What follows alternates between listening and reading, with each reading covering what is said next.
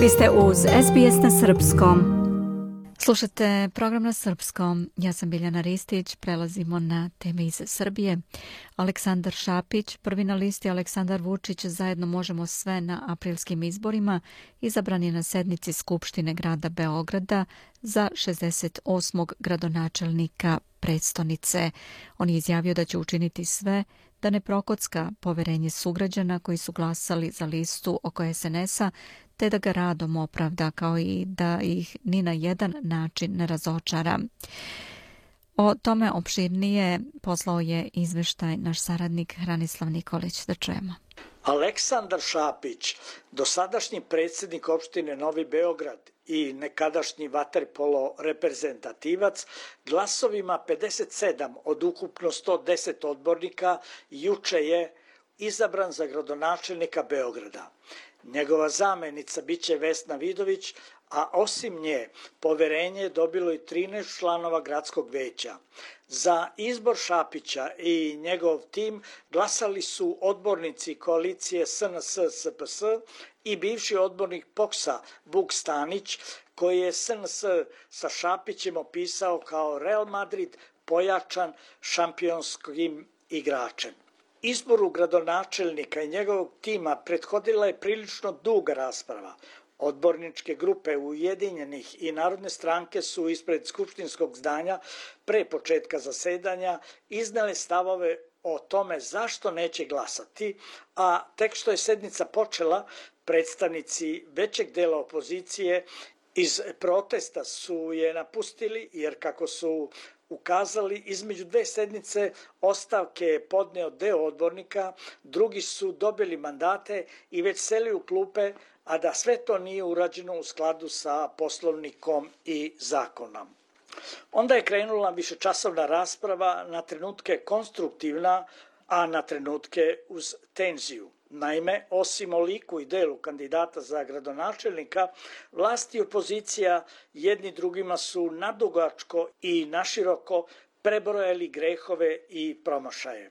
Sednica o izboru gradonačelnika delovala je kao filovanje oblande, na red stavova zašto Šapić nije dostojan funkcije prvog čoveka Beograda, sledio je red stavova zašto je on trenutno najbolje rešenje za tu funkciju. Tako je Dragoslav Šolak, odbornik SNS-a, ukazao da je na njega naročito utisak ostavio što Šapić u 45. godini ima veliko političko iskustvo i da je u svemu što je radio pokazivao da je lider i da ima timski duh. Đorđe Stanović iz SPS-a ocenio je da prvo treba da se da prilika Šapiću, a ne da se odmah kritikuje. S druge strane, Dobrica Veselinović, šef odborničke grupe Moramo, kazao je da je Šapić čovek koji je pokazao da nije dobar komšija, kandidat koji nije odbornicima i građanima predstavio buduću agendu, kandidat koji će kao gradonačelnik sve da radi na osnovu instrukcija stranke. Ovu utakmicu niste dobili na fair play, već tako što za vas rade sudije, kazao je slikovito Veselinović. Miloš Pavlović, šef odbornika Narodne stranke, ukazao je da Šapić od njih podršku nema, prvo zbog onih koji stoje iza njegove kandidature, drugo što predstavlja politiku u kojoj, kako je dodao, nema razvoja i poboljšanja kvaliteta života građana. Treće, ne glasamo i zbog samog Šapića, koji je lažni doktor i lažni opozicionar. Nije dostojan da stane s velikanima kao što su Vlada Ilić ili Branko Pešić, naveo je Pavlović.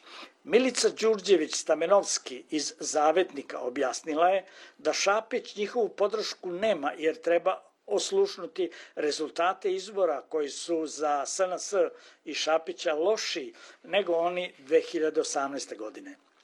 Radmila Vasić, šef odbornika Dveri, kazala je da protiv Šapića nema ništa lično, da je nesporno veliki sportista, ali da podršku tih odbornika nema jer će voditi grad u ime SNS-a koji je izbetonirao Beograd, koji je loše radio mnoge rekonstrukcije, koji razvija Beograd na vodi, koji gradu duguje 100 miliona evra.